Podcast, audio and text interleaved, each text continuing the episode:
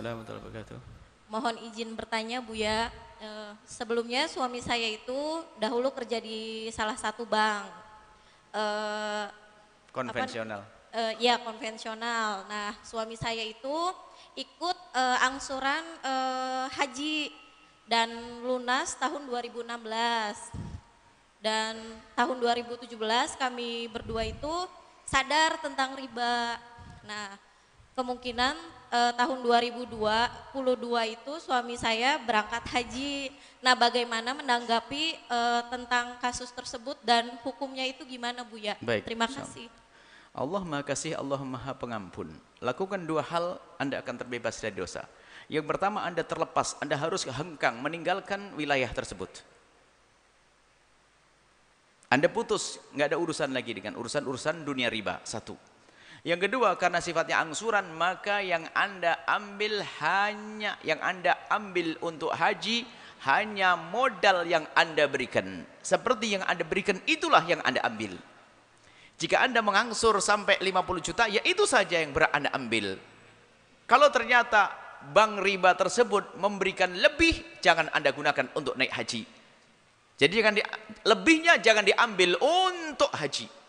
Misalnya karena mengangsur dari pihak bank sendiri juga di dimanis-maniskan, dibunga-bungakan kan begitu ya. Akhirnya ada bunganya barangkali. Sehingga dari 50 juta yang Anda tabungkan begitu mengembang jadi 60 juta, maka yang Anda ambil untuk haji hanya 50 juta dan Anda goodbye dengan dengan lembaga tersebut, lalu 10 jutanya bagaimana?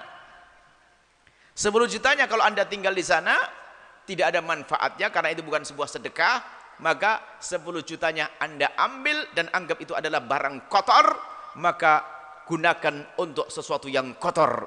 Buat selokan di kampung Anda, WC umum, sesuatu yang kotor, jangan dibiarkan di tempat tersebut. Kalau dibiarkan tempat tersebut, tambah membengkak di sana nanti. Kalau Anda ambil untuk makan Anda, masa anak Anda akan Anda beri kotoran? Maka Anda ambil 10 juta kelebihannya tadi, maka gunakan untuk sesuatu yang tidak baik.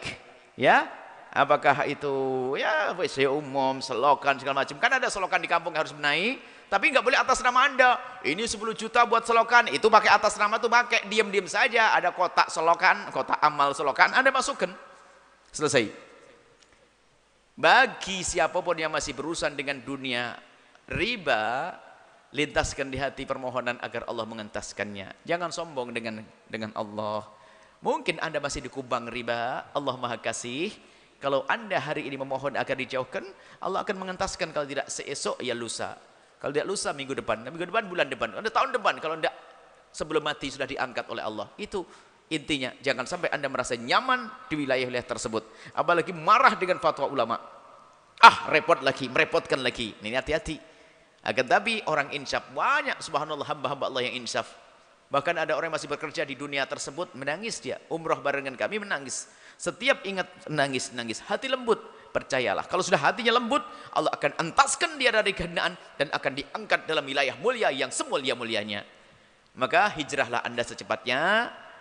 Kemudian bagi siapa pun yang saat ini masih berurusan dengan dunia konvensional apalagi uangnya dititipkan di sana lalu berkembang dengan riba-riba ambil modalnya kemudian kembalikan ke wilayah syariah adapun bunga-bunganya Anda ambil karena itu bukan sesuatu yang bersih ingat gunakan untuk sesuatu yang kotor sesuatu yang tidak tidak terhormat intinya apa agar Anda terbebas daripada hukuman Allah Subhanahu wa taala dan bagi siapa pun yang sudah hijrah Jangan sekali-kali Anda merendahkan saudara-saudari Anda yang masih berurusan dengan dunia konvensional.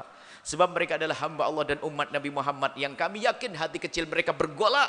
Cuman waktu hijrah yang tepat bagi dia kadang belum tiba.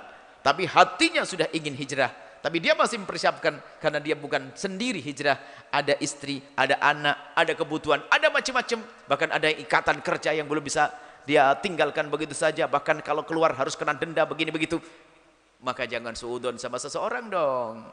Nggak boleh kalau kita suudon hati kita yang kotor. Lebih kotor dari pemakan riba, hati kotor. Maka pemakan riba adalah rendah kotor. Tapi kalau kita suudon hati kita menjadi jelek, lebih jelek dari itu semuanya.